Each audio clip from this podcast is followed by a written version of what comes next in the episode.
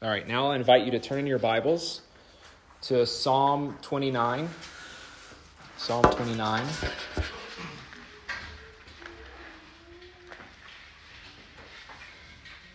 So we've been in Norway now for what, four months? Something like that? And by far the biggest adjustment for us, maybe aside from the language, is uh, the weather, especially in winter. Um, so we, we find ourselves checking our weather apps uh, all the time throughout the day, uh, seeing whether or not the roads are good enough that we can drive this morning, and then uh, figuring out if it's going to be like snow or ice that we're driving through. Um, that's interesting because when we moved to Colombia 10 years ago, we never checked the weather. And nobody else did either. And it took us a little while to realize that, that nobody paid attention to the climate. Everybody loves to talk about the weather in Bogota, um, but nobody actually is a professional at predicting the weather. And I found out why that is. Um, it's because in Bogota, big, big city, high in the Andes Mountains, like almost 3,000 meters up, in a bowl, 12 million, 14 million, 16 million people all crammed inside of it. There are something like uh, nine different microclimates inside the city itself. And so you look up the weather for Bogota, and it's like, okay, which which Bogota, which part are you talking about? And the shape of the mountains affects it. And one of my friends, I think it was a pilot friend, said, uh, in Bogota, nobody can predict the weather with anything more than like 30 or 35% accuracy. And so, therefore, no one does it. No one cares. There's no weather channel, and there aren't weather people on the news. You just kind of deal with it, and you always have your umbrella, and you're prepared for hail or wind or lightning or rain or whatever all the time. Um, everybody is an amateur meteorologist. And King David would say that that's actually a really good thing as we approach Psalm 29, because as strange as it sounds, this is a psalm about the weather. Um, this is a psalm where David is talking about a great storm. And you're going to have to use your imaginations this morning. Okay, kids, you're probably better at that than your parents are, using your imaginations. So I want you to try. I want you to take yourself there. You're out on a big plain and you're watching David describe a storm. Actually, you're there, and the storm is coming from the north, it's passing southward. You're standing out in the middle of a field. You don't have any phone with you, okay? Your mom and dad don't have a phone with them. It's not going to ring you to say, hey, there's a flood or there's a tornado, or there are dangerous winds or hail or anything like that. You don't have that. You're away from safety. As it comes closer and closer, you see the wall of water coming towards you. You begin to hear the thunder and see the lightning. You smell the humidity in the air. You feel the air pressure change and press hard upon your skin. Maybe you even feel goosebumps or goose pimples. I don't know how you say that. Yeah, Gosahu. You feel the Gosahu? And you look up, and I want you all to ask this question. You look at the storm. How's the weather? What does that have to do with me? Okay? That's what we're going to answer this morning. What does that storm have to do with me? Listen as I read Psalm 29, a psalm of David. Ascribe to the Lord, you heavenly beings. Ascribe to the Lord glory and strength. Ascribe to the Lord the glory due his name. Worship the Lord in the splendor of his holiness. The voice of the Lord is over the waters. The God of glory thunders. The Lord thunders over the mighty waters. The voice of the Lord is powerful. The voice of the Lord is majestic. The voice of the Lord breaks the cedars. The Lord breaks in pieces the cedars of Lebanon. He makes Lebanon leap like a calf, Sirion like a young wild ox. The voice of the Lord strikes with flashes of lightning. The voice of the Lord shakes the desert. The Lord shakes the desert of Kadesh. The voice of the Lord twists the oaks and strips the forest bare. And in his temple all cry, Glory! The Lord sits enthroned over the flood. The Lord is enthroned as king forever. The Lord gives strength to his people. The Lord blesses his people with peace. Let's pray. Lord, would you please bless us with peace, with awe, with wonder as we look at you in this passage, as we experience your grace. We do ask for grace that your Spirit would work in our hearts, make them soft to absorb what we need to absorb from your word. Lord, bless us, we pray, in the name of Jesus. Amen. Okay, so are you there? You're in the field, the storm is coming. As you look up, I think the first thing that you would say is that it is cloudy as you forecast. It's cloudy with a chance of worship. Cloudy with a chance of worship. Um, there's something that is really interesting about this psalm. We, we have 150 psalms, and uh, in this psalm, we don't actually ask anything of the Lord. Did you notice that? You look at all the other Psalms, usually we're asking, Lord, help me, save me, deliver me, something like that. Not in this Psalm. All we're doing as God's people is crying out together to God in worship, not for help. Um, and what is worship? Let's just define our terms. What is worship? It, the Old English of the word worship uh, is the word worth. So, worthship, it's declaring something's worth. In the language of the passage, it's ascribing worth. Um, we do this all the time, right? I mean, imagine that you that you uh, work in a store and you get to be the person that has the the sticker gun, and you get to put price tags on everything. And so you go up to a bottle of Coca Cola, and you you say thirty kroner. I, I don't buy Coke. I have no idea what it costs uh, and a carton of milk, and it's going to be 60 kroner. Is that right? Something like that? A little bit less? Okay. I have no idea. Uh, uh, you go a, a, fine bottle of French wine, 600 kroner. Boom. I, I probably know that one a little more, something like that. That's, that's, that's an exercise of ascribing worth. You're saying this is worth this. David looks at the storm and he begins to ascribe worth to his God. He starts tagging his God with stickers of infinite worth. Listen to the language of the passage glory, strength, glory due his name, his reputation, splendor of his holiness. David is simply looking at the storm and acknowledging the way things are. I tried to do this once with my kids out in nature. We're this is like four or five years ago. My kids were a lot smaller. We had this little place we would escape to in the jungle from Bogota. And it was night, and we were away from all the light pollution. We turned off all the lights at our little uh, finca, our little house. And we lay there by the pool just looking up at the sky. And there were stars and planets everywhere. And it was beautiful, it was magnificent. Um, Fox began to catch on and I said, Okay, Fox, is that a star or is that a planet? And he would say, mm, It's a planet, Dad. So I would take out my phone and the little like uh, star planet app that shows me layers and layers of stars and satellites and planets and comets and all that. And I would look, yep, yep, you're right. And he starts to get the point of my exercise. He says, Dad, is this outer space? I say, Yeah, this is outer space, son. Does it ever end? I said, Well, I don't think so. At least we've never seen the end of it. I said, uh, Can we see a black hole? And I thought, No, I don't think. I mean, who's been teaching you? Like, you're five years old. Who, who's taught you about black holes? Um, the point of, uh, of that is our, our conversation went on and on, and, and we're talking about how big all of that is, and then therefore how big God is, and how little we felt looking out at all of that bigness. And that, as simple as it is, is the starting point for worship. He's big, I'm little, and I should worship him. He's big, I'm little and I should worship him. And we actually do this all the time.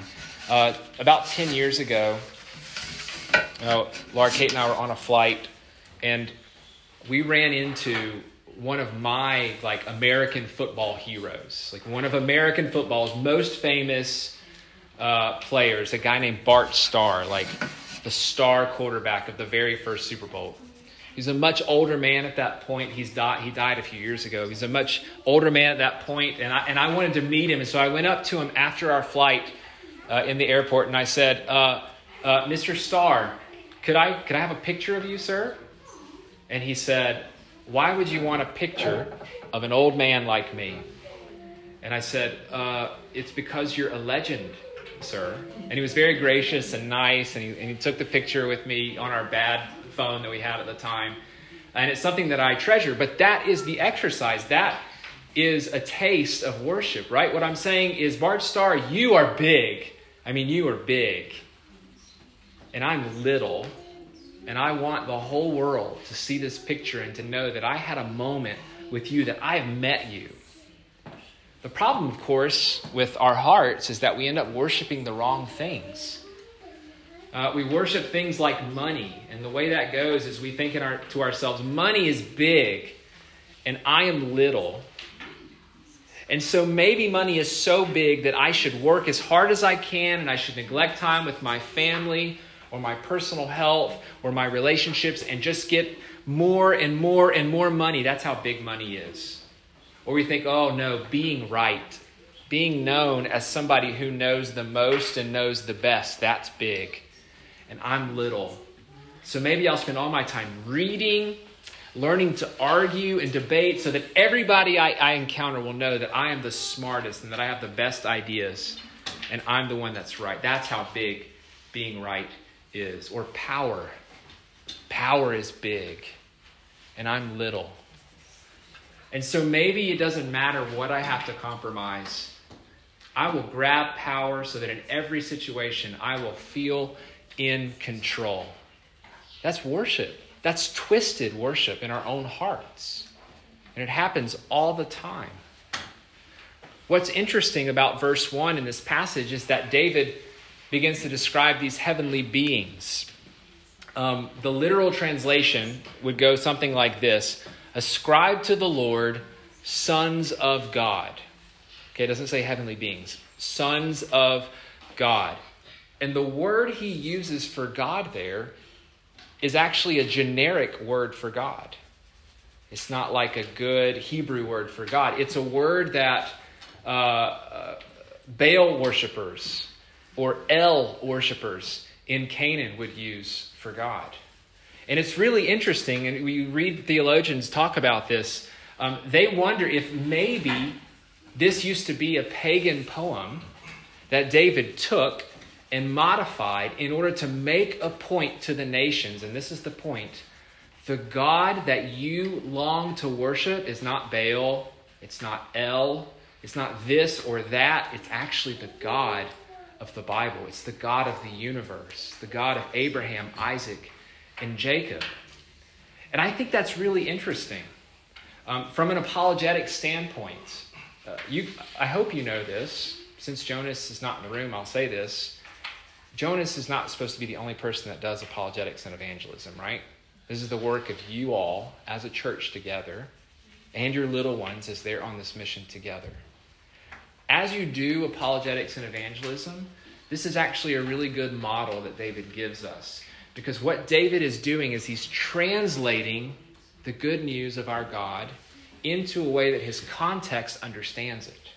He's using a generic word for God so that these people will understand what he's talking about, right? He doesn't use all this high language that they're not going to understand. He's connecting their reality with what we can say is real reality, God's ultimate reality. And that is a difficult exercise, but it assumes that we spend enough time in and amongst people who aren't Christians and we know their reality enough and we love them enough to care about translating God's ultimate reality into their reality. And then we watch the Spirit do what the Spirit does. This is a great model. Um, that's an aside. The way we should probably understand this phrase, heavenly beings or the sons of God, is as angels. And the point of David using this is, is, is he's commanding the angels to worship. He's saying, God, you are so big, and I am so little that to properly worship you, I'm going to have to summon the help of all your angels, all the heavenly beings to join in the worship chorus. It's cloudy as he looks at the storm with a chance of worship. And our hearts need to echo David's heart. You're, you're big, and I'm little, and I should worship you, God, and you alone. Back out on the field, the storm is growing. Perhaps the wind is starting to pick up. What does that storm have to do with me? The forecast says that it's cloudy with a chance of reign. And uh, this is a pun. I don't know if it comes off in Norwegian or Spanish, uh, but I'm not talking about the wet stuff that ruined all of our snow last week. Uh, I'm talking about the reign of a king, talking about the rule of God Almighty, because in that storm, the king of the universe is on display that is sweeping southward. You can hear it, you can see it, you can feel it, you can hear it. Verses 3 and 4, listen to this. The voice of the Lord is over the waters, the God of glory thunders the Lord over many waters. The voice of the Lord is powerful. The voice of the Lord is full of majesty. Do you hear how loud this is? And I love how the Psalms are put together and the way you read Psalm 28. And Psalm 28 is like, hey, God, I can't hear you. Don't be silent. Please don't be silent. I'm listening. I'm listening. And Psalm 29 says that the voice of the Lord is like ear splitting thunder like the kind of thunder that rattles the ground and wakes napping babies and sets off car alarms. It's as if God is saying, Okay, can you hear me now? Can you hear me now? And as you sit there in the field watching the storm with David and you're clutching your ears because it is so loud, you might think this He is big and I am little, and when He speaks, I should listen. And that's a very rational thing to think. When he speaks, I should listen. And some of you are wondering, well, how can I listen to God if I can't hear God's voice? It's hard to listen if I can't hear God's voice. How do we hear God's voice? In the book, right? In the scriptures. This God has recorded his voice for us in the word. And so moments like this are especially sacred when we get to put ourselves under the Word of God and say, God, I'm listening. What would you have for me? And if you think thunder in a storm is loud, wait until God's Word rattles your soul by telling you things that you don't want to hear. Things like love your enemies and pray for those who persecute you. Or think about the way God nourishes your soul by telling you things that you desperately need to hear, like all who call upon the name of the Lord will be saved. This is powerful. He is big, and I am little. And so when He speaks, I should listen. We have to be a people of the Word. You can hear the effects, you can also see the effects of God's powerful rule in this storm. Verse 5 says that the cedars of Lebanon were affected.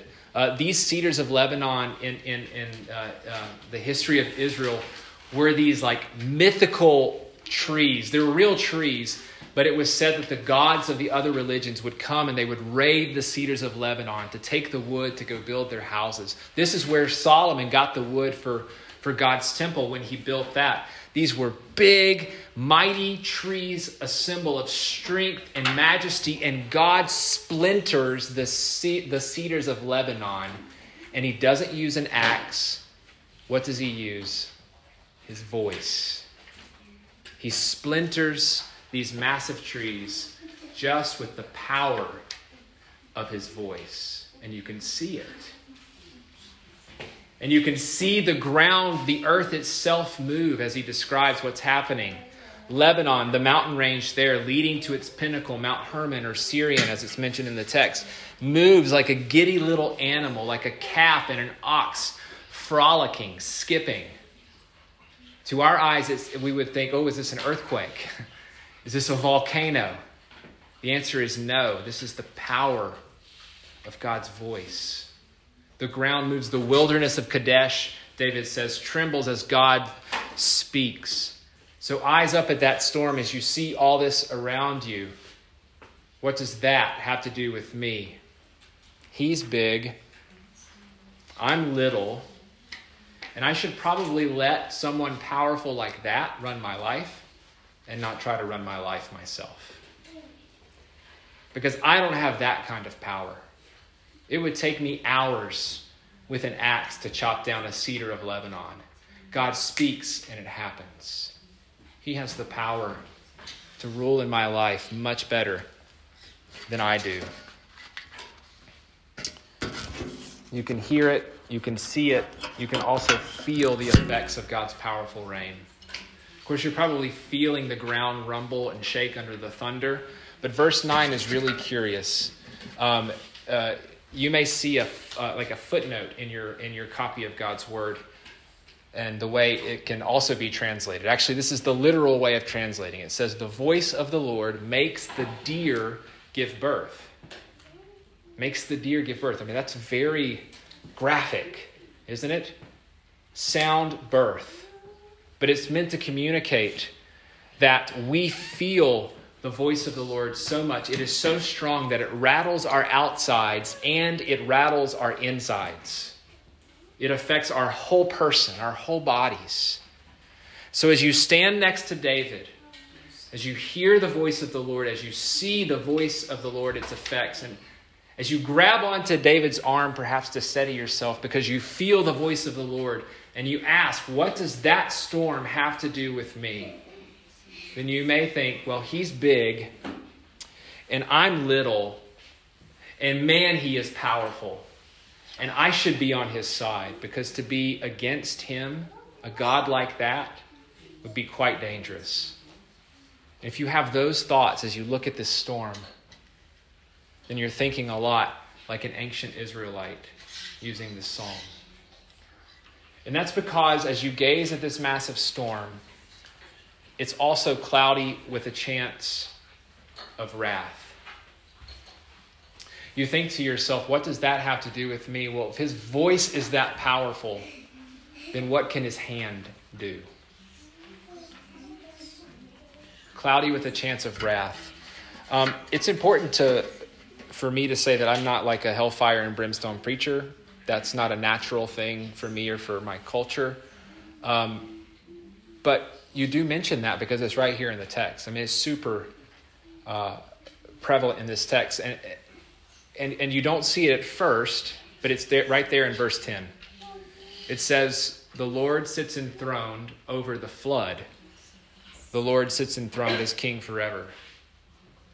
Um, it's in the word flood. Uh, the word flood there is not as common in the Bible as you might think. You know, we read from the Noah story earlier.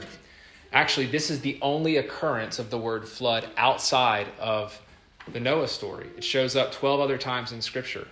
All of those are in Genesis 6 to Genesis 11. Um, Noah and the great flood, you think about, I read the conclusion of it earlier. Oftentimes we think of Noah and the great flood as like um, this story for children, you know, and we put it up on, on nursery walls and we have like cute little drawings of it and coloring pages of Noah and his armful of like kittens and puppies. And uh, we're maybe a little misguided there because, because what's happening to everyone and everything else while Noah gets to play zookeeper? I mean, it's death, it's judgment. Because wicked people have violated God's good word and God's good creation. And so the good reader sees this word flood and associates it immediately with God's wrath. There's something in that storm that feels a lot like God's wrath. And so you ought to look up to that storm and think, you know, He is big and I am little, and maybe I should be afraid right now. And if you notice further, the text says that God sits enthroned over the flood. So, wrath, and God is in total control. And so, it's perfectly normal for your mind to think this He's big, I'm little. Maybe I should be afraid, and I'm not so sure I trust a God who sits over that kind of wrath and throne. That's a perfectly natural and normal thing to think. But there's really good news. Because as you stand there on the plain looking at the storm, who's standing next to you? It's King David, who is God's king, yes, God's anointed one, God's special one. And the end of the psalm talks about how the Lord is giving strength to his people and blessing his people and giving them his peace. And you know what? If the Lord is going to do that for anyone, surely, surely it's going to be to his anointed one, to his special person. And you may think, like an Israelite would think, if I'm close to David, God's anointed one, then maybe I'll be like the sons of Noah who were close to Noah and be spared from this storm, be spared from God's wrath. The disciples felt this way. Right? The, the, the story we read in Mark chapter 4 on a boat with Jesus, this raging storm comes out of nowhere, waves, wind threatening to toss everybody overboard and flip their boat, capsize them. And where is Jesus in all of it? He's just he's sleeping in the stern. And the disciples are pretty worked up and they're having this moment of i am afraid and I don't trust you and they say, "Jesus, don't you care if we die?" and the passage says this, and he, Jesus, awoke and rebuked the winds and said to the sea, "Peace, be still." And the wind ceased, and there was a great calm. And he said to them, why are you so afraid? Have you still no faith? And they were filled with great fear and said to one another, Who then is this that even the wind and the sea obey him? In that moment, the disciples thought, okay, it is cloudy with a certainty, not a chance, with a certainty of wrath. But Jesus teaches that if we are close to him, then we will be okay. I don't care how old you are or young you are, that's a lesson everybody needs to know. If you are close to Jesus, then you will be okay. Why? Two reasons. First, unlike King David, when Jesus, the anointed one, speaks to the storm, it says, Yes, Master. It listens. David couldn't do anything to prevent the storm. Jesus says, Peace, be still, and the storm stops. And there's quiet and stillness. In fact, Jesus is the anointed one in whom all the laws of nature exist and hold together. He's big, Jesus is, and I'm little, and when I am afraid, I should get close to him. But the other reason we know that we're safe when we're close to Jesus is because of the cross. And what happens after the events of Mark 4, the rest of the gospel there. Um, I'll, I'll, relay a story that another pastor uh, tells. It's about the, um, terrorist attack that we had in San Bernardino, California, in the United States a number of years ago. And it's Denise Peraza, and she's telling about how a man named Shannon Johnson saved her life. These are, these are her words, okay? Wednesday morning at 10:55 a.m., we were seated next to each other at a table, joking around. I would have never guessed that only five minutes later, we would be huddled next to each other under the same table, using a fallen chair as a shield from over 60 rounds of bullets being fired across the room. While I can't recall every single second that played out that morning, I will always remember his left arm wrapped around me, holding me as close as possible next to him behind that chair. And amidst all the chaos, I'll always remember him saying these three words I got you. I got you. I got you.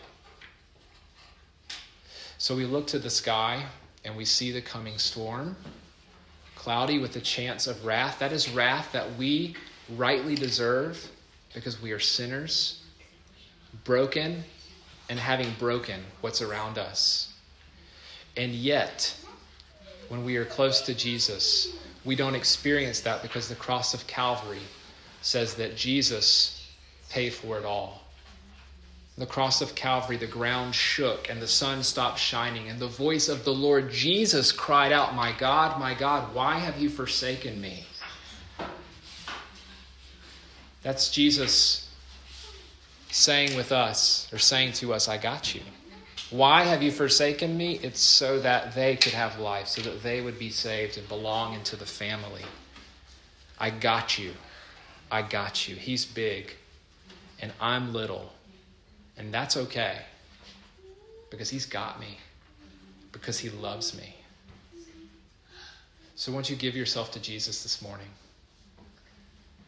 If you've already given yourself to Jesus, won't you get closer and closer to Jesus? Because there is no safer, more peaceful place in the universe than to be in His arms, hearing those words, I got you. Let's pray. Lord Jesus, we thank you for this good news. Um, thank you that you are Lord over all. And that as chaotic as our lives are, as much danger exists out there and even in our hearts, um, that we stand assured of your love, your peace, your blessing, because you have paid it all for us. Thank you for giving so generously your life to us, and that we could be, we could be called daughters and sons of the living God. We could be your co heirs in the family of God. Thank you, Jesus. Thank you. Please, by your Spirit, help us to trust you. As we pray in Jesus' name, amen.